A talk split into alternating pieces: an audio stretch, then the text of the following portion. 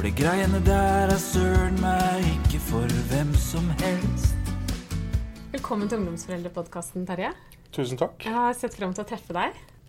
Eh, Jeg gleder meg til å bli kjent med deg og få vite litt mer om arbeidet ditt. Eh, Når jeg tenker på deg, så er det første jeg liksom, som slår meg, er liksom disse sju stegene til positiv ungdom.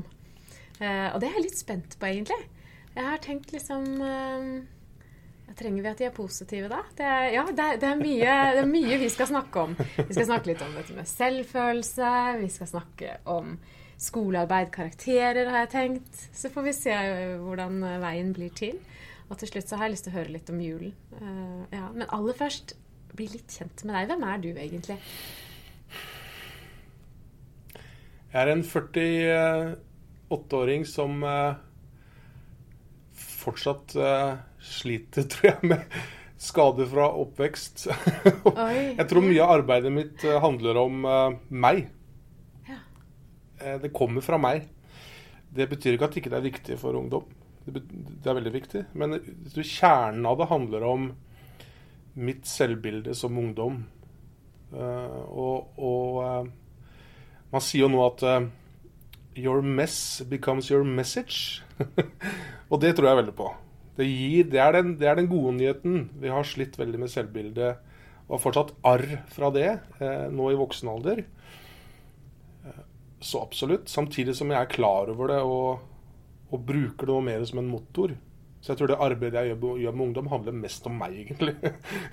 om min, min egen reparasjon. Ja, At motivasjonen din på mange måter ligger der. Ja. Ja, At du ja. både reparerer ting hos deg selv, men, men også det sterke engasjementet da, tenker jeg, som jeg opplever at du har i forhold til det å hjelpe ungdom til å få det bedre. Mm. Med seg sjøl og, og ikke minst også familiene til å få det bedre. Ja, Ja. absolutt. Hvordan var ungdomstiden din da, Terje? Det verste er at den var egentlig helt fin. Oh, ja. ja. Gode, trygge foreldre. Krangla mye med søstera, men hvem gjør ikke det holdt jeg på si, i oppveksten? Var ikke noe mobbeoffer, hadde kamerater, var elska likt. Det er det rare. Det som skjedde, var at jeg var veldig dårlig på skolen. Så jeg trodde jeg var dum. Null drag på damer, så jeg trodde jeg var stygg. Og helt ubrukelig i idrett. Jeg hoppa på ski, da. Den gangen det var snø på vinteren på Østlandet. Jeg var jo redd hver gang, og likte jo aldri det. Og, og, og var jo Det var meg og uh, Ove, liksom, som kom på sisteplass annenhver gang.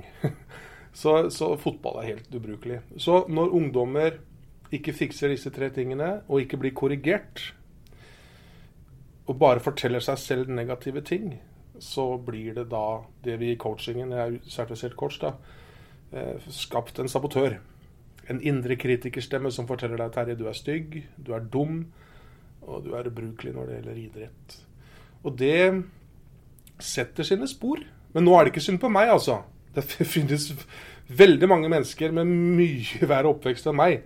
Så jeg hadde det veldig bra. Men bare det skal ofte lite til for at ungdom skaper seg en indre kritiker. Og hvis ikke de blir gjort oppmerksom på at de har den, så tror de at den stemmen er ekte, da. Og at den er seg, ikke sant. Så det handler mye av mitt arbeid om. Å bevisstgjøre de at den stemmen som forteller deg at eh, du er ikke smart nok, pen nok osv., ikke er deg. For det er litt den der styggen på ryggen. Styggen på ryggen. Jeg sier til en del ungdom at du skal ikke stole på tankene dine. Nei, veldig bra. For det er veldig fort å tro at eh, tank, det jeg tenker, det er sannhet. Eh, Men det er jo ikke det. Sant? Det er bare mine tanker, og det kan hende de er helt feil. Og den, bare det å vite det vet jeg er til hjelp for en del. Fordi da, blir det, da kan de bli litt mer kritiske til sine egne tanker. Og at liksom, når du tenker stygge ting om deg selv, så er ikke det sant. Det betyr ikke at du er det. Det er, litt, det er viktig. Det er, Veldig godt, godt poeng. Ja. Og tanker er jo veldig interessant altså i forhold til mindfulness. Vi voksne også, og mange ungdommer, ikke barn, de er flinke til å være i nåtid. Men vi, vi som har hatt noen år, vi lever jo enten i fortid og angrer kanskje på det som skjedde, eller vi gruer oss til det som skal skje, og så er vi ikke til stede her og nå. Ikke sant? Så det er jo tankene som drar oss fram og tilbake. Det betyr jo ikke at det er sant. Hvor mange ganger har vi ikke bekymra oss for ting som aldri blir noe av? 99,5 av tilfellene, i mitt tilfelle i hvert fall. Mm, Ja. Jeg er helt enig. Jeg er ganske god på det. Å ja, ja, ja. Men du, jeg spør mange av gjestene mine eh, hvis du skulle gitt deg selv et råd som tenåring, Mm. Ofte stiller jeg til slutt, men nå tar vi det nå. Mm. Eh, hva ville det vært? Du er god nok, ville jeg sagt til meg selv sjøl. Ja. Mm. Mm. Tror det er Skal koke den indre kritikeren styggen på ryggen og alt det vi snakker om nå, til én ting. Veldig enkelt. At mennesker, ungdom også, vet Blir fortalt at de er gode nok. Men hadde du trodd på det? Hadde jeg hørt det av eh, flere mange nok ganger, så hadde jeg trodd på det. Jeg hadde ikke trodd på det med én tilbakemelding. Men eh, Og mine foreldre er kjempebra. Fantastiske mennesker. De tilhører likevel en generasjon som ikke var så flinke til sånne ting. Så det er ikke noe kritikk av verken generasjon eller, eller de. Jeg tror Hver generasjon blir jo bedre. Jeg tror ungdom i dag er jo veldig reflektert og veldig bevisst og veldig kloke. Det er nesten så de har hoppa over et par generasjoner. Veldig spennende generasjon. Jeg tror foreldrene, altså vår generasjon, har vært flinkere til å si 'jeg er glad i deg', 'du er god nok' og sånne ting. Eh, samtidig som internett har nok løfta de på mange positive måter også. til det negative, da. At de, lærer, de kan mye. Mm. Mm. Det er sant. Men de er veldig Mitt inntrykk av ungdom nå er at de er så reflekterte. At de er så kloke. Ja. Mye klokere enn jeg var oh, ja, ja, ja. som tenåring. Brødgjøk sammenligna med ungdom i dag, altså. Ja, er du ja. gæren? Ja, ja. Og så er det jo mye bra med det. Eh, Men så er det en litt sånn tung side ved det òg, syns jeg. Fordi mens vi hadde en større tanke på at det bare det ordner seg, liksom, så har ikke ungdom i dag den tilliten, kanskje, i den grad som vi hadde til at det bare ordner seg. De er, de er litt mer sånn De må liksom stå på litt, er mitt inntrykk. At de er, eh, Interessant. Ja. jeg det har jeg ikke tenkt på før. Ja, altså at de må fikse det og sånn. Ja, ja, ja. ja, riktig. Ja. At de tar mer ansvar, kanskje, da, enn det Det, ja, absolutt. enn Ja, det i hvert fall jeg gjorde. Jeg var litt sånn på lykke og fremme. Tenkte Mm. at det kommer nok til å gå bra. ja. Men, eh, og det er det selvfølgelig. Det er nå, nå liksom tar vi jo alle over en kam. Det er Ja. jo store variasjoner. Men sånn jevnt over så er mitt inntrykk at ungdom i dag er både kloke og ansvarsbevisste. Og så er det selvfølgelig generasjon prestasjon. Det kommer via sosiale Mm. medier. Det er jo en, det er et eksperiment det vi voksne har drevet med, med den generasjonen der. Vi aner ikke utfallet av det. Vi ga dem noen smarttelefoner og noen iPader, og så får vi se hvordan det går. Produsert av mennesker som ønsker å gjøre folk hekta. Så det der er jo historisk sett kanskje litt eh, Blir sett på kanskje litt merkelig, altså. Fordi vi vet ikke utfallet av det. Nei, og det er en problemstilling som vi som er foreldre nå har fått i fanget. Og vi er første generasjon som skal håndtere dette her. Og for mange er dette veldig vanskelig. Ja. Vi skal snakke litt om det òg. Men aller først så er jeg litt nysgjerrig på disse syv stegene til positiv ungdom. Eh, For da kommer den der inn hos meg med en gang. Liksom. Men trenger vi at de er så positive, da? Eh, Nei, og man skal ikke alltid være positiv. Eh, altså alltid være Man må være lei seg og sur og sint hvis man er det. Samtidig så tenker jeg, når jeg snakker med foreldre, så er det ofte konflikter som er eh, utfordringen i relasjonen. Og at det er lite kommunikasjon, dårlig kommunikasjon. Så de sju stegene handler om hvordan du kan starte med steg nummer én, og så gradvis bygge opp en god relasjon. da, for at eh, ja, Godt hende positiv er feil ord, men, men eh, Nei, men Jeg sier ikke at det er feil, altså. Nei, nei, men, jeg eh, stiller deg bare spørsmål. Ja, men, men, det, det er jo, men det jeg egentlig brenner for, er eh, Jeg tror at hvis selvbildet er godt, hvis de liker seg sjøl og tror og vet at de er gode nok, så er de harmoniske og har overskudd til å bidra i en relasjon. Men hvis de ikke tror det, så er det mye sinne og aggresjon. Så jeg tror vi jobber veldig mye fint med, i Norge med forskjellige ting, som rus og drop-out og mobbing. Men det er ikke problemet. Det er symptomene. Mener jeg, da. Må gjerne være uenig, både du og andre som hører nå, men jeg mener at uh, drop-out og rus og mobbing og vold er ikke problemet. Det er symptomer på at folk ikke liker seg sjøl. Du, det er helt enig med deg, tror jeg. Så vi må, Det er fint å jobbe med det, Mm. men vi må ta tak i roten. Og det er å hjelpe folk til å like seg selv, altså få kjenne at de er gode nok. Ha et godt selvbilde, eller selvfølelse. De ordene går litt i hverandre, kjenner jeg. Mm. Så det er det jeg brenner for. Så, men, men, men det er ikke alltid at folk ser det. Så hvis jeg hadde kalt boka 'Sju steg til, til god selvfølelse i ungdom', så er det ikke sikkert hadde, folk hadde skjønt, da. Det er litt med markedsføring og kommunikasjon, det også. Ja, det skjønner jeg. Ja. Ja, For det, vi vil vel alle gjerne ha positiv ungdom. Jeg tenker Ungdom som er positive, da tenker jeg også at det ligger litt optimisme i det. Eh, og at de, når man er positiv, så har man det bra, tenker jeg. Mm. Eh, årsaken til at, at man kanskje som menneske er negativ eller, eller tung, det er jo gjerne at man ikke har det bra. Det er jo ikke fordi man er negativ, men bare har det ikke bra. Nei. Så sånn sett så forstår jeg positiv, altså. Mm. Jeg jo, mm. Men hva er de, disse sju stegene, da? Vil du dele de med oss, eller? Ja, vi kan gå- det vil ta litt tid å dele alle, men jeg kan godt dele de, kanskje de, de første, for da Ja, er jo ja. det Så det, det Jeg tenkte på det her om dagen. Hvis, hvis noen For det er en ting er når man jobber med disse tingene, så vokser man. Ikke sant? Vokser i kommunikasjonsgrad og vokser selv. Og så er det, ikke alltid at de Det høres litt arrogant ut, da, men det er ikke alltid at hvis det kommer nytt publikum til, at de skjønner meg hvis jeg hvis jeg eh, kommuniserer ut fra det nivået jeg nå er på, i forhold til hva jeg har lært. Jeg har vært nybegynner på dette, og mange som hører på meg, er jo nybegynnere på dette. Så det er viktig å, å, å, å gjøre dette tydelig. Og, og det er den kommunikasjonen steg én handler om. Og jeg tenkte med meg sjøl i stad, hvis jeg virkelig skulle oppfordre folk til å gjøre én ting, så ville det være steg nummer én. Og det er å si til eh, barn, gjerne si det til partnere og naboer, men å si du er også et positivt ord. Høres latterlig enkelt ut, men det, er, det grenser til magi når jeg coacher ungdom. Og jeg sier eh, når du snakker nå, tenker jeg du er jammen klok.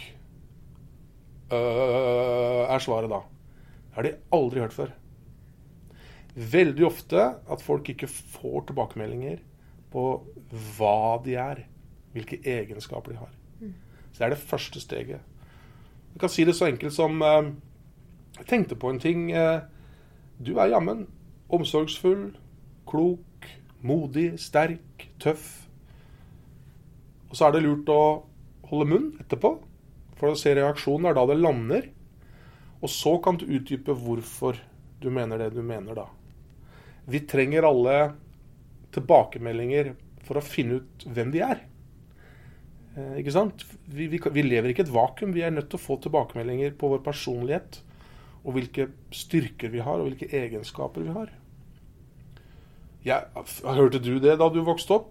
Du er omsorgsfull eller modig eller kreativ eller morsom eller Fikk du høre det? Eh, Ja, jeg, jeg gjorde faktisk det.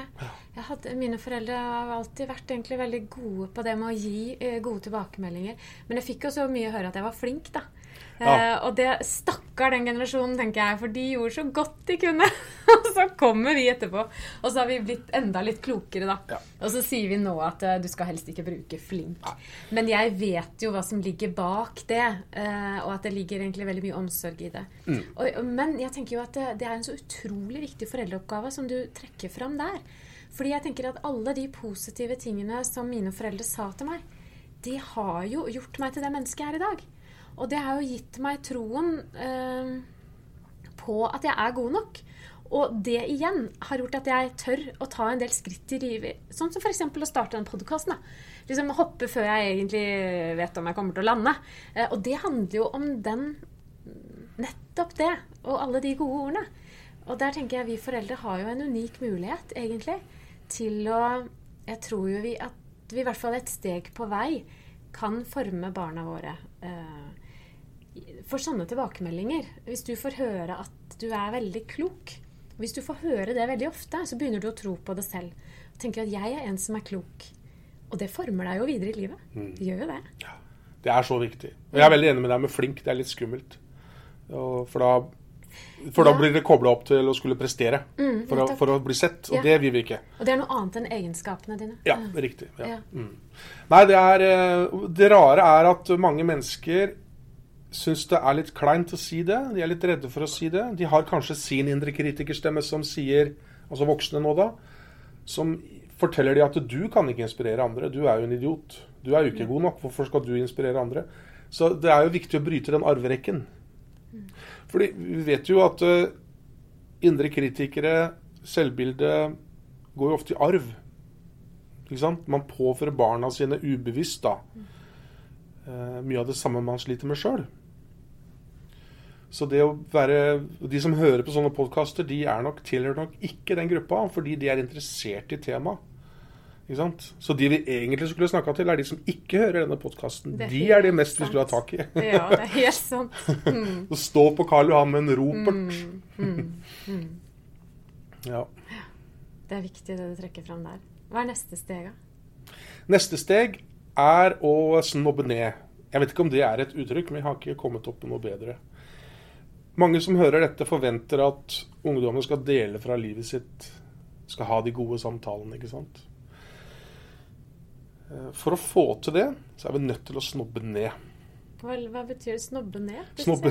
Spennende uttrykk. ja, Ja. jeg har ikke Gjerne komme med innspill hvis du har noe bedre uttrykk. Jeg har ikke Å snobbe ned er å eh, komme ned fra sin høye hest.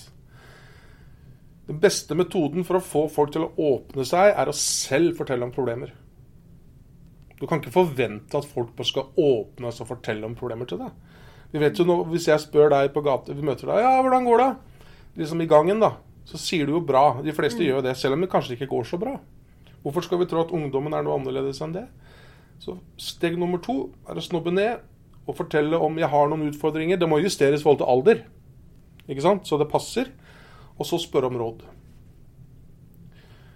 Jeg har noen utfordringer med det og det og det. Jeg lurer på, Du er jo en klok bruk steg én. Fyr, jente. Hva ville du gjort i en sånn situasjon? Og spør du meg om råd? Ja, jeg vil gjerne høre hva du tenker om dette. Wow! Den indre kritikeren får så mye motstand i den tenåringen hvis de blir spurt om råd. Altså sier de kanskje 'jeg vet ikke'. Og det er helt normalt. Da kan du si 'nei, det, det er greit', så kanskje Men jeg, jeg vil gjerne høre hva du tenker om det. Kanskje vi kan snakke om det i morgen, eller noe sånt. Om det så ikke kommer noe råd, bare det at du har gjort det, Det ligger jo veldig mye anerkjennelse i det. veldig mye anerkjennelse. Ja. Og, og du, de, sannsynligheten er stor for at foreldre er den store helten, selv om de aldri vil innrømme det, kanskje. Eller ja, ungdom i dag er jo faktisk flinke til det, da. Men du er den store helten sannsynligvis, og det at den, den store helten din spør deg om råd, det er eh, nesten magisk. Vet du hva, jeg har så sans for det. det jeg tenker det er så viktig. Eh, fordi Ja, for det første, det gjør, det gjør at de føler seg bra. Eh, det er å se de, på en måte. Så, selvfølgelig skal man balansere det, sikkert det blir altfor store og for tunge ting. Ja, jeg, som ikke Mor, jeg har noen sexproblemer. Har du noen Ja. forslag til? Nei, der skal vi kanskje styre unna. Men, men i liksom, det å lete litt etter, er det noe Ja. jeg kan Og og min erfaring er at de er jo så kloke. De kan, Ja, ja, altså, de kan jo Jeg tenker egentlig sånn Neste generasjon blir alltid litt klokere. Ja. Selv om det er mange ting jeg kan, så er det jammen meg mye innsikt som barna mine har, som jeg ikke har. Mm. Og det kan de hjelpe meg med. Ehm, nett, nettutfordringer.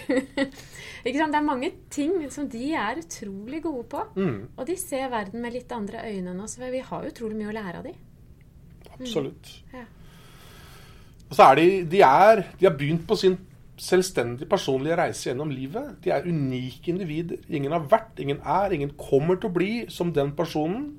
Så det å ha en respekt for det, å begynne å se det individet, og ikke nødvendigvis skulle bestemme alt hele tiden og gi ordre, men begynne å bli nysgjerrig. Hvem er denne figuren inni denne kroppen? Begynne å se etter det unike i det mennesket. Helt fantastisk. Ja, det er sant. Og så tenker jeg å gjerne dele av historier der vi, der vi som foreldre gikk på trynet. Og dele de egentlig først og fremst, mer enn suksesshistoriene.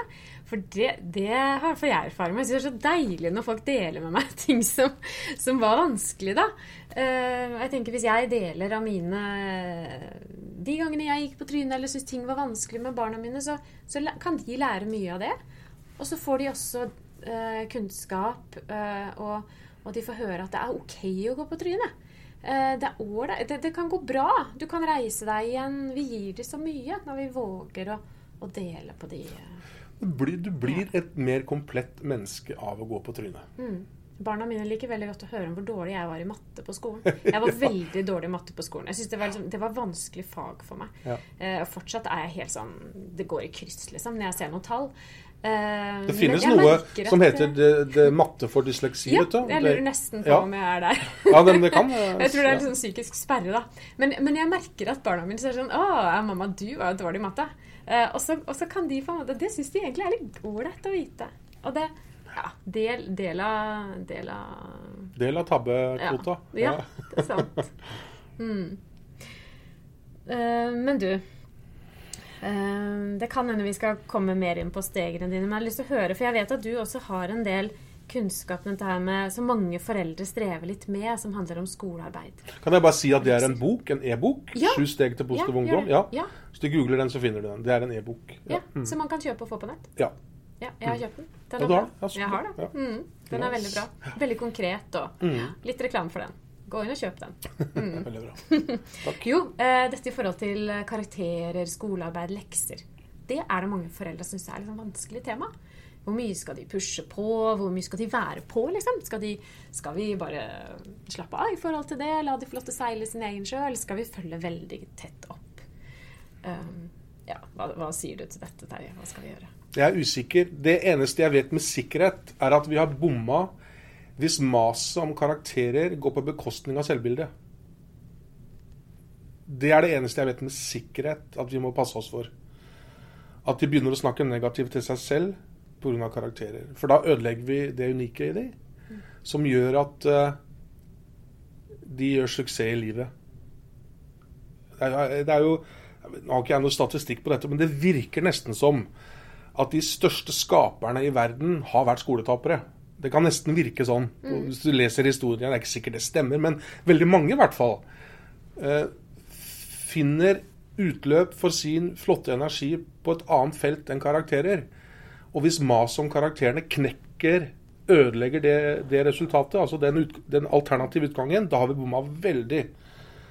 Eh, Når det gjelder hvor mye så, Men det jeg tenker, er eh, Jeg har utvikla en enkel metode for Det er et av stegene, da. Det er en modell jeg kaller IFA. Først så spør du f.eks. om hvordan gikk det på prøva. Nei, gikk ikke noe bra, det var dårlig, fikk eh, sånn og sånne karakterer. Ja. F-en står for framtid. Hva, hva, tror du du er, hva kan du få til? Hva, på, ditt, på ditt aller beste, Jonas, hva tror du du er i stand til? Hvis du hadde kjempeflaks med den prøva, hva, tror du, hva ligger i deg av matteegenskaper? Nei, kanskje jeg kan klare et tak opp. Ja, det tror jeg òg. Kjempebra. Og A-en står for aktivitet. Hva kan vi gjøre, du og jeg eller du? Jeg vil gjerne høre dine tanker om hva er lurt å gjøre for å nå den derre Jonas på sitt mattebeste. Hva er smart å gjøre der? Jeg har noen ideer, men jeg vil gjerne høre fra deg først, Jonas. Og så begynner Jonas å tenke. Kanskje jeg skal eh, Da har vi suksess. I øyeblikket han begynner å tenke på Jeg kan jo kanskje snakke med Anne og få hjelp av henne. I det øyeblikket han kommer opp med svarene sjøl, så er det mye større sjanse for at han gjør det, enn hvis vi sier 'Jeg syns du skal snakke med Anne og få hjelp av Anne'. Jeg vet ikke. Eierskap til endring ved å spørre, og at vi sjøl ønsker å bli flinkere i matte. Det er ingen som har skjerpa seg. Jonas, nå må du skjerpe deg, må du ta deg sammen. Det gjør folk maks en uke, så sklir vi tilbake der vi var. Fordi det kommer ikke fra oss selv, da. Så hvordan gikk prøva? Dårlig. Hva ligger i deg? F-en, fram- framtid. Et, tak opp? Fint. Hva kan vi gjøre for å få til det? Tenker jeg. Og støtte og Du viser jo kjærlighet, men, men altså, det må ikke, må ikke ødelegge selvbildet, altså. Det maset der. Er Da har vi do dobbelt tapp. Ja, det er viktigere hvordan du har det, enn hvordan du gjør det, sier jeg til, ja. til han 17-åringen min som går på videregående, i hvert fall. At jeg er mer opptatt av hvordan du har det, enn enn karakterene dine. Men det er klart, foreldre vi, vi blir jo bekymra hvis vi ser at karakterene daler. Det kan jo ofte være et tegn på noe. Og så er det en del som da liksom Skal vi mase på de karakterene? Nei, vi skal kanskje være mer opptatt av om han eller hun har det bra. Eh, hva som ligger bak. Berømme innsats framfor resultat, kanskje. Ja. Jeg er ikke så interessert i hva du får på den prøva, Jonas. Jeg ser du har jobba hardt. Da er jeg fornøyd, jeg. Mm. Så det er noe med å ta bort litt press òg. Så ikke de kjenner på det derre Det er nok press på den ungdommen i dag som det er. Ja, jeg tenker litt sånn ja, at, eh, at det er en oppgave vi foreldre kan ta. Fordi skolen er mitt inntrykk i hvert fall er at skolen er såpass på, og de stiller krav hele tiden. De blir vurdert i hver time. Det er muntlig innsats, det er prøver, og det er også presentasjoner. Det hadde ikke vi. Nei. Og dette er liksom bare lagt på. Og, og kravene der ute i forhold til videreutdanning er enda høyere enn de var. Uh, sånn at uh, jeg tror de aller, aller fleste barn og ungdom er fullt klar over at det stilles høye krav til de hele veien. Og så tenker jeg nesten at foreldreoppgaven det er hvert fall sånn som jeg gjør det, jeg kan bare snakke for meg selv, er at jeg inntar en rolle som er litt sånn Du, det går fint. Um, ja. Det skal ikke være jeg som drar liksom, ungene mine gjennom skolegangen. Det må komme av deres egen motivasjon. Og det er nok av lærere der ute som holder tak i Ja, dem. Og så sant. kan jeg heller ha litt sånn armkroken eh, ja, Ja. ja. For de fleste så tror jeg det funker. Um, og det viktigste er jo at ungdommene selv har motivasjon. Da. ja.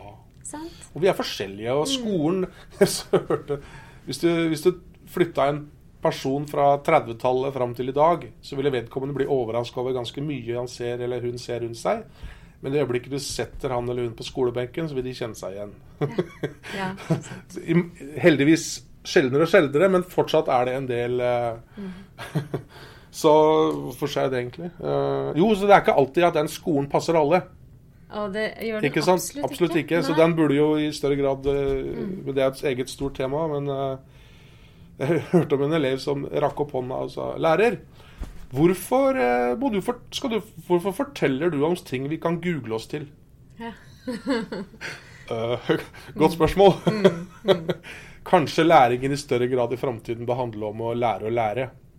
Mm. Vi vet ikke hva yrkene i framtiden er. Vi vet ikke hvilke egenskaper. Vi vet, det vi vet, er at du må hele tida lære nytt, fordi verden flytter seg framover så fort. Så det å lære å lære Ok, vi skal lære norsk og matte og engelsk og sånn, ja, men kanskje Ja, nei, OK. Det, Ja, og det tenker jeg det, eh, det er nok, Jeg tenker at det er det viktigste. At de bevarer lysten til å lære. Mhm, Eh, og det gjør de ikke eh, ved å bli liksom trua til gode karakterer. Det gjør de ved å få lyst til å, å lære på egen hånd. Og det er egentlig den lysten vi skal stimulere, da. Mer enn en femmerne eh, og sekserne på skolen. Mm. Vi lever jo i en tid som er helt fantastisk. Jeg kan lære nesten hva jeg vil, gratis på YouTube. Ja. Verdens eksperter deler kompetanse. Mm. Ha- Den, den, den, det var jo ikke mulig. Vi hadde leksikon, liksom. Det er ikke så lenge siden, men det var det vi ikke, det- brukte. det var det, vet du. Det var det. Så verden er helt annerledes. Mm. Det er en fantastisk tid å leve i sånn sett, altså. Men du, nå tar de inn eh, liksom, eh, begrepet livsmestring som et sånn tverrfaglig emne Mm. eh, i skolen. Fra nå, fra januar 2020. Endelig. Veldig bra. Hva, hva tenker du når jeg sier livsmestring? Hva tenker du på da? Da tenker jeg at uh, det å like seg sjøl, kort fortalt, blir et tema i skolen. Og at skolen tar det ansvaret.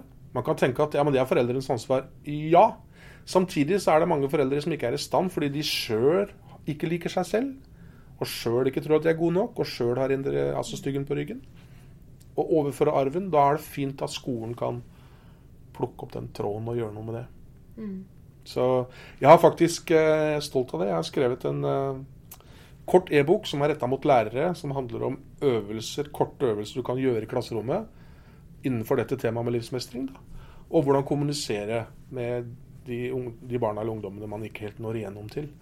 Så jeg leverte inn jeg kaller grønne streker, kaller jeg den e-boka. Så den- Ja. Så bra, for det tenker jeg at det tror jeg nok mange lærere trenger kompetanse på dette emnet, da. Mhm. eh, For å klare å ta det ut. Fordi det er veldig mye bra med det, men så må vi også være litt forsiktige med det, syns jeg, da.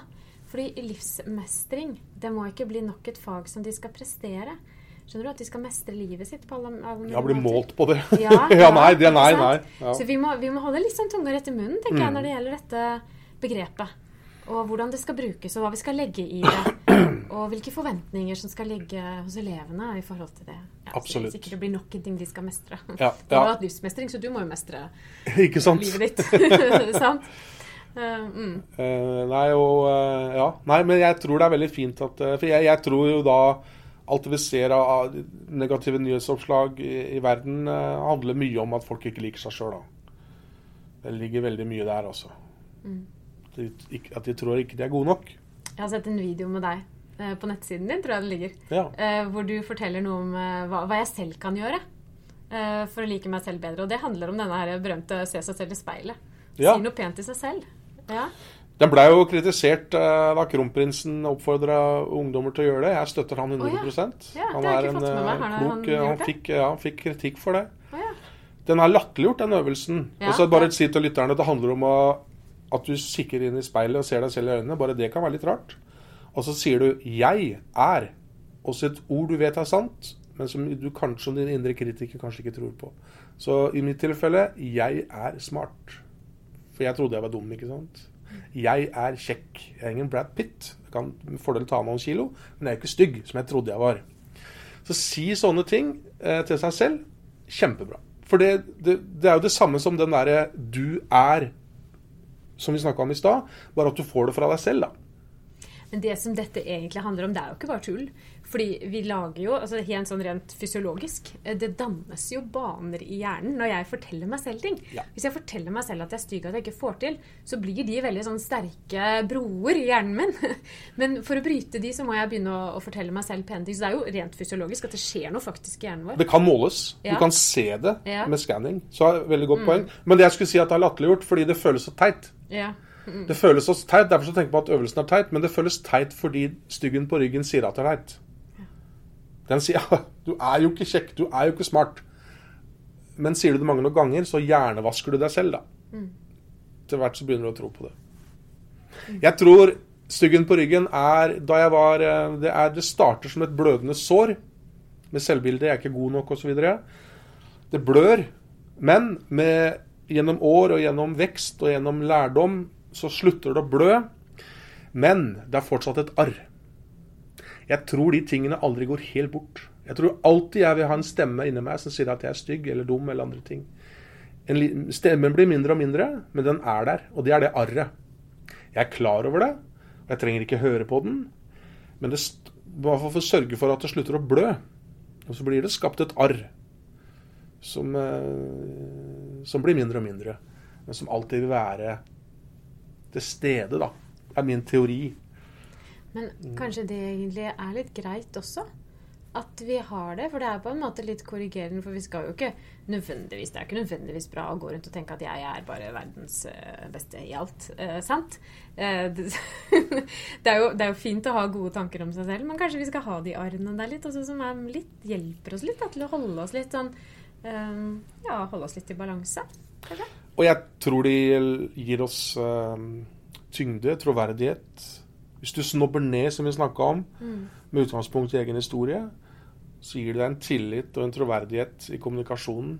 Og det gir deg en ballast, og det gir deg en erfaring.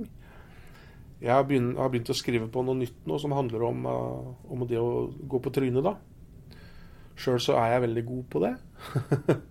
å gjøre ting feil. Men jeg tror jeg, jeg Det kan hende at noe av meninga med livet er å tryne. At det er litt av derfor vi er her. Altså, du kan ikke ha det varmt hvis ikke du har hatt det kaldt. Du kan ikke kjenne på gleden over å ha penger hvis du aldri har vært fattig. Ikke sant? Så, så eh, det der er et veldig spennende tema. Mm. Jeg, jeg, så jeg tror det gjør oss eh, Det gjør oss til mer komplette mennesker. At vi Mm. har noen arr, ja. Mm. Jeg syns det var et veldig sånn fint bilde. Jeg har ikke tenkt på det sånn før, Terje. At, uh, ja, at de stygge tingene jeg sier til meg selv, at jeg, jeg kan se på det på en måte som arr. Og så kan jeg jo da på en måte ta et blikk på det og se ja, der er det. Der er den her tanken. Mm. Og da forholder jeg meg til den på en litt annen måte. Mm. Jeg ser den, men jeg velger å liksom ta et, eh, et valg. da, om jeg Skal jeg stole på den? Skal jeg åpne det såret igjen? Eller skal den egentlig bare få lov til å være der, og så skal jeg prøve å, å justere litt? da. Og det fine med det er at du klarer å observere det. Fordi veldig mange mennesker de er bare i følelsen. De har ikke noe metaperspektiv. De klarer ikke å se seg selv fra utsiden. Om at eh, jeg har disse tankene om meg selv, eh, om, om styggen på ryggen osv. De bare er i det.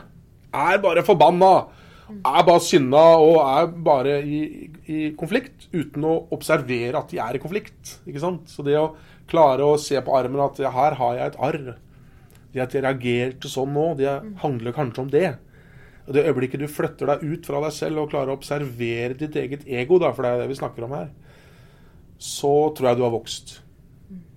Og jeg tror det er den biten som da observerer, som er liksom den eh, kan fort bli klisjeer og floskler og sånne ting, men, men liksom den magiske deg, da. Som, eh, som er det Ja, som det er viktig å få fram. Men det krever litt øvelse, rett og slett. Ja. Det har vært min erfaring, i hvert fall. Og jeg driver og øver på det. eh, Fordi jeg tenker at det er godt for meg. eh, Å observere meg selv litt sånn i metaperspektiv, da. Eh, Men det er jo litt sånn at Og så klarer jeg det noen ganger, og så andre ganger så tror jeg helt på den der styggen på ryggen. Så er jeg liksom Absolutt. Og, og så er vi, blir vi lei oss, så skal vi være lei oss. Blir vi Ja. skikkelig forbanna, så skal vi være forbanna. Men er du forbanna hele tida, Mm. så er ikke det bra for deg. Det er lov å bli sinna, men er du konstant irritert og sinna, så er det ikke en fin måte å leve livet sitt på. Det er helt sant. Det er kjempeviktig det du trekker fram der. Fordi jeg har veldig tro på Jeg er en del rundt og holder foredrag. Og noe av det viktigste budskapet jeg har da, er at vi foreldre skal våge å være med på den berg-og-dal-banen som barna og ungdommene våre lever i. Og vi selv også, egentlig. For det vi foreldre har litt lett å gjøre, er å stå på toppen og bare Kan ikke du komme opp her, liksom? For det er så ubehagelig at du er lei deg, eller at du er sint, eller sånn. Vi, vi liker jo ikke det. Men det at vi liksom det, det tenker jeg kanskje er det viktigste jeg kan gjøre. Og bare bli med dem litt ned der. Og det svinger jo ekstra eh, mye, kanskje, i tenårene. Liksom de virkelig dype og høyt opp. At vi, eh, vi prøver å være med litt. Og, og våger å liksom Og tåler, da. At de er litt sinte og sure. Og det er jo en del av livet, det. Sant? Eh, men det er ikke så lett. Jeg syns det er fryktelig vondt. For jeg har jo lyst til å ta Jeg vil jo at barna mine skal ha det bra. Vil jo helst ta det vekk. Mm. Men så vet jeg innerst inne at noe av det beste jeg kan gjøre, er å bli med ned og si at det her er noe dritt. Jeg er helt enig med deg. Det her er noe skit, og jeg kan ikke gjøre noe med det. Eh, nå er det sånn en liten stund. Dette kommer til å gå over. Men, men jeg er her, i hvert fall. Og så, og så kan jeg ikke fikse det, men eh, vi kan være med dem. Ja. Jeg tror du er en god mor. Ja, takk. Å, takk. det var jo hyggelig. Var det styggen på ryggen som svarte nå? Eh, Ja, det var kanskje det. Ja, var det det? litt Ja. Sånn, for jeg vil jo ikke på en måte fremstå på en måte eh, som sånn. Og det var det. Jeg det, var prøver det. jo. Jeg Nei, prøver jo. Men, uh, det, ja. det korrekte svaret Men jeg tenker det er viktig. Jeg, jeg tenker at det er veldig viktig. ja. ja, jeg er helt enig med deg. Ja. Jeg ville bare gi deg det komplimentet. Ja, tusen takk. Jeg var dårlig til å ta det imot. Ja, det var, det var ikke helt, det var bare sånn Nei, ja, det. terningkast fire. Og det er derfor jeg tenker det er så fint at du sier det. For her snakker vi om mange ting. Liksom. Det er viktig, og det er viktig. Så sitter man kanskje og hører på, og så tenker man ah, det får ikke jeg til. Og sånn er det jo med oss òg, da, Terje. Sant? ja, ja, oi. Vi, vi snakker om hva som er riktig, og hva som vi kanskje bør gjøre, og så får ikke vi, vi får ikke det til hele tida. Men vi kan kanskje få det innimellom. Og det er godt nok òg. Mm. Barna våre Du er jo coach, men barna våre trenger jo ikke coacher. De trenger jo ekte mennesker. Og det er derfor vi skal dele av historien når vi går på trynet og sånn òg, for det er jo det de trenger. At vi Absolutt. liksom- at ikke vi alltid gjør ting riktig, da. Det blir ikke så lett å være barn heller.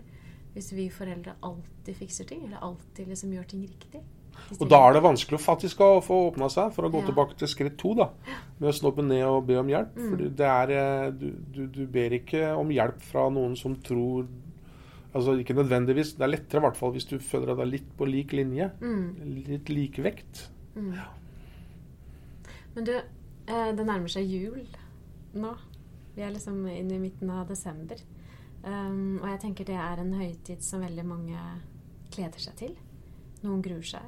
Uh, det er forventninger til den tiden vi går inn i. Og så skal vi ha fri fra jobb og skole.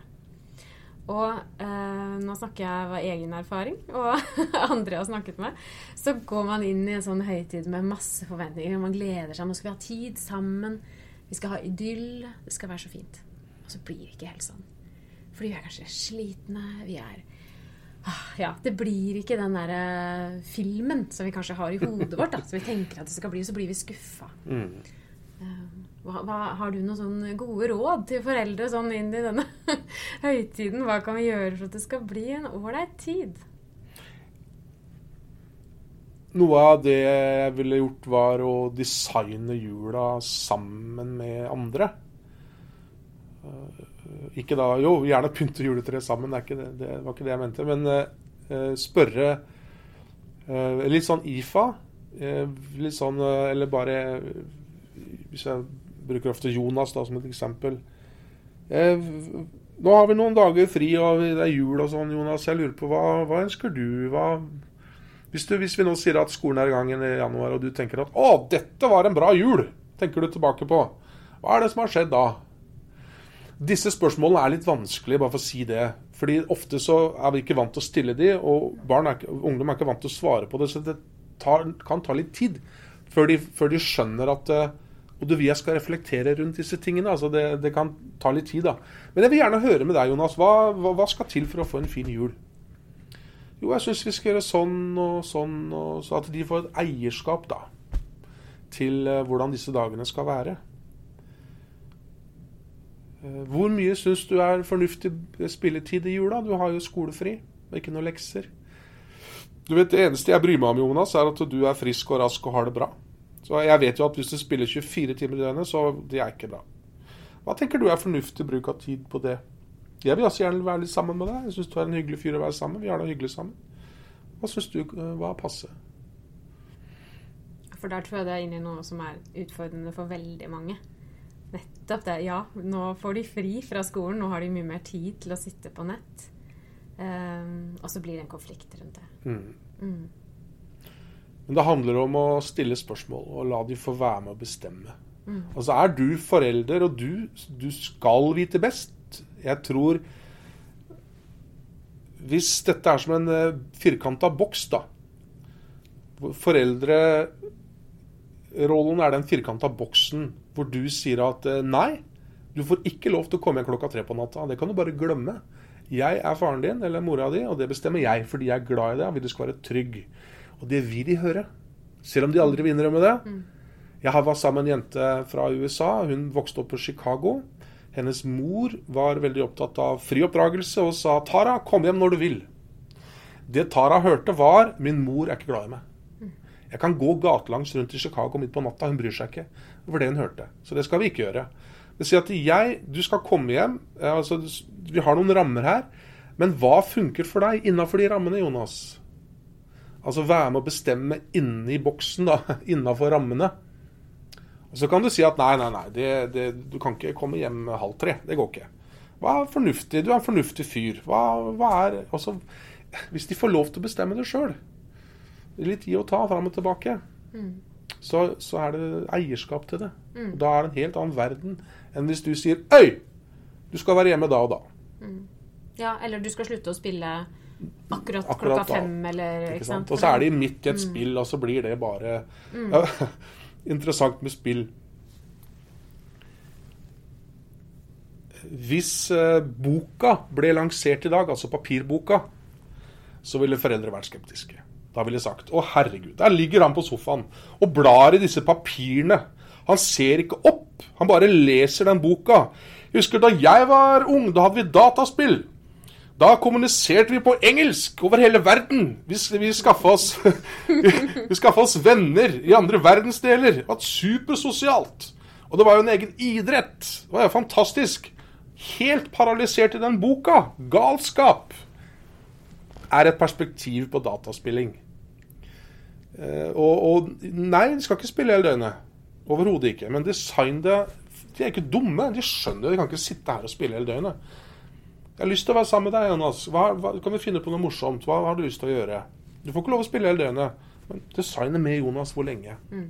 Og hvordan vil du at jeg skal Hvis du, du ikke følger de reglene du nå selv har sagt, du har sagt så og så mange timer hva, hva, hva, er en fornuftig reaksjon fra meg hvis du bryter dine egne regler? Nei, da kan du bare glemme det og ikke si fra mer. Nei, nei, nei. Jeg skal si fra. Men hvordan skal jeg si fra? Og så får han også eierskap til din reaksjon. Da har han bedt om det, for å si det sånn, hvis han selv bryter reglene.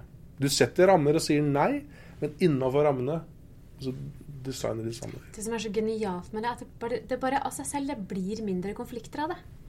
Fordi de føler seg respektert, eh, faktisk. Når de blir møtt på den, akkurat på den måten som du beskriver der. For det handler jo egentlig om respekt at vi tar de med. Uh, og, så jeg tenker, ah, Skal vi avslutte med det, Terje? Liksom, uh, oppfordre familier til å sette seg litt ned en kveld før jula og snakke litt om hva skal de fylle dagene med. Hva skal de bruke tiden på? Hva er det som Jeg tenker vi foreldre Vi har jo nå liksom, tenåringer i huset. De er ikke så glad i å stå opp tidlig om morgenen. Jeg er glad i å stå opp tidlig. Så da er jeg oppe, og så syns jeg det er så koselig å spise frokost sammen. Og så vil jeg gjerne at de skal stå opp i sånn rimelig tid. Da, da snakker vi elleve, liksom. Men det er ikke alltid de er ikke helt enig i det. Nei, ikke sant? De har nei. lyst til å sove litt. Og da må, da må vi på en måte ofte avklare det. Liksom, hva er det som er viktig? Er det frokost som er viktig? Vi skal i hvert fall ha ett måltid sammen. Liksom det å bare, for da slipper vi en del av den der irritasjonen. Og hvis vi er litt i forkant, så kan vi planlegge litt. Og det er ikke, det er ikke noe gærent i at det smeller litt i dørene innimellom. Nei, nei, nei. Men, men eh, dagene blir jo bedre hvis vi slipper det, bare fordi vi har planlagt litt.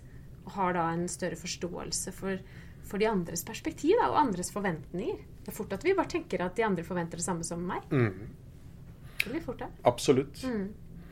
Og så handler det også litt om å Det er ikke alltid like lett, selvfølgelig, i kampens hete. Men å Hva skal jeg si? Altså Våre reaksjoner handler jo mest om oss også, da. Ikke sant? Så det er noe med å se på seg selv. Hvorfor reagerer jeg på denne måten? Det er ikke alltid at det er den mest konstruktive måten å reagere på. Kanskje det handler mest om avsender. Handler mest om mor eller far, og ikke så mye om ungdommen, da. Ikke sant? Kanskje om e egne indre kritikere og styggen på ryggen, og egne erfaringer. Det er ikke sikkert det passer på, på un ungene, for å si det sånn. Mm, det er sant. Vi bærer jo med oss veldig mye i møte med hverandre. Ja, Og det er jo ofte at vi, at vi kan glemme det, vi foreldre. At den reaksjonen som kom nå, det handla jo egentlig om det som skjedde på jobben i dag. Eller, ja. Og egentlig ikke ungdommen min. Men eh, sånn skal det jo på en måte også være litt i familien, tenker jeg. At vi skal ha liksom litt lov til å Det skal være et trygt sted. Et sted der vi skal måte få lov til å blåse ut litt. Og, men, men det er jo litt forskjell på Det er nok en gang litt det med å prøve å se seg selv litt utenfra. mm. Og tenke ah, Idet jeg går inn døra, kanskje. Tenke liksom Hva er det jeg egentlig nå, Hvordan har jeg det nå? Eh, er jeg litt sinna, egentlig? Eh, ja. Hva handler det om? Jo, det handler om meg selv, egentlig. Eller det dumme som skjedde på jobben i dag. Mm. Hvis jeg gjør meg den enkle refleksjonen mens jeg tar av meg skoene i gangen, ja. så gjør det noe med meg idet jeg kommer inn til familien. For ellers er det fort at det smeller liksom overfor de, da. Eh, stakkars. Og hvis, hvis noen som hører på dette, noen gang har hørt eh, 'det klarer ikke du', hvis noen har sagt det til deg Det de egentlig sa, var 'det klarer ikke jeg'. Mm. Eller 'det tror ikke jeg at jeg klarer', har de sagt da. Så det handler jo ikke om om mottaker av budskapet, det handler om avsender. Mm. Hvis eh, en, eh, en maratonløper ville si at jeg er kraftig overvektig, en mann på 150 kg ville si du er slank som bare det. Ja, jeg kan med fordel ta noen kilo og jobbe med saken. Men det er perspektivet, hvor det kommer fra. Ikke sant? Mm. Det er sant. Så det er, det er mye, det, ja, Nå er vi litt på villspor igjen. Men jeg har lyst til å si en ting som har litt sånn, lo, litt sånn logo Tankesettet mitt er at eh, hemmeligheten bak en god relasjon er ikke at folk liker deg, men det er at de liker seg selv i samtale med deg.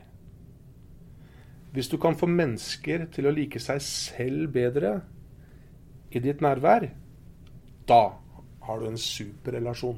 Da vil folk automatisk li like å være sammen med deg.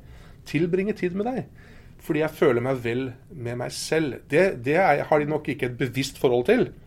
Men de, en, de føler seg rolige, de føler seg eh, avslappa, de føler seg eh, trygge. Liker seg selv. Det er nøkkelen til en god relasjon.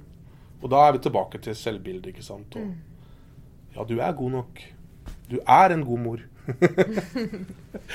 Tusen takk, eh, Terje. Det har vært veldig spennende å snakke med deg. Takk for meg. God jul. God jul. Jeg håper at denne episoden, ja egentlig alle episodene dette året, har gitt deg både ny og nyttig kunnskap. Takk for engasjement, dere. For mailer, for innspill. Fortsett med det inn i det nye året. Har du ris eller ros eller eh, innspill til tema eller gjest, så send det til meg på ann-jeanette at samtaleverkstedet.no. Helt til slutt nå så skal du få sangen skrevet av Trygve Skau som heter 'Spenn deg fast'. Og med den så ønsker jeg dere en riktig god jul og et godt nytt år.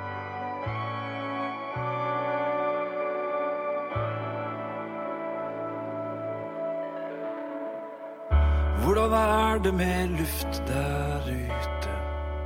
Hvordan er det med gravitasjon? Lyser stjernene midt på dagen? Hvem skal du ringe når du savner noen?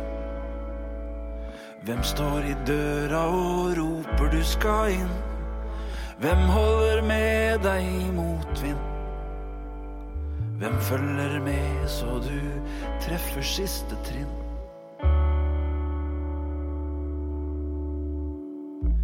Hvem skulle jeg elska hvis du ikke fantes? Hva skulle jeg brukt hele hjertet på? Hvor skulle jeg sendt mine gode tanker? Hvem skulle jeg vært glad i og sinna på? Hvordan veit jeg at du skjønner hvor du skal? Hvor kan jeg måle om du har det bra? Skjønner du sjøl hva du bør styre unna? Spenn deg fast. Veien er lang når du ser den ifra ditt perspektiv. Spenn deg fast. Og ikke vær redd, for det er bare et liv. Spør meg om råd, og jeg har et par svar. Men skritta helt frem er det du som tar. Husk å bruke hjelm. Du drar når du er klar.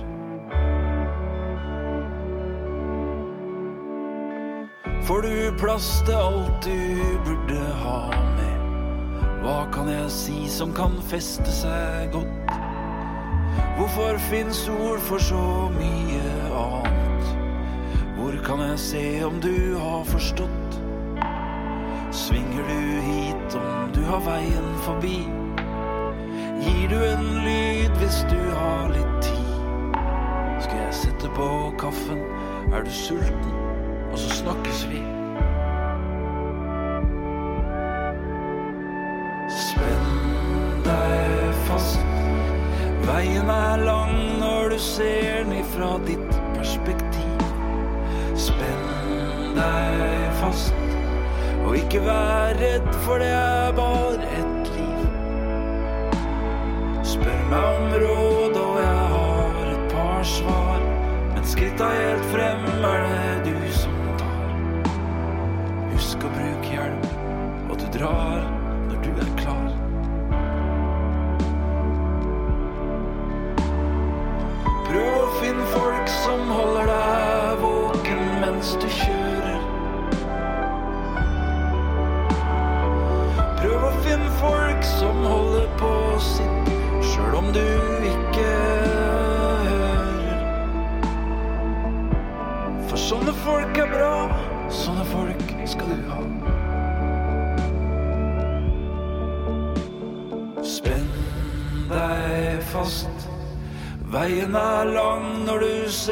fra ditt perspektiv.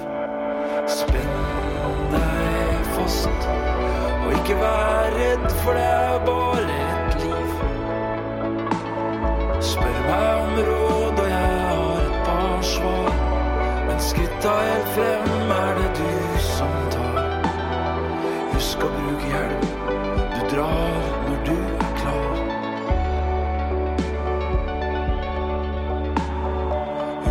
Husk å bruke hjelm. Du drar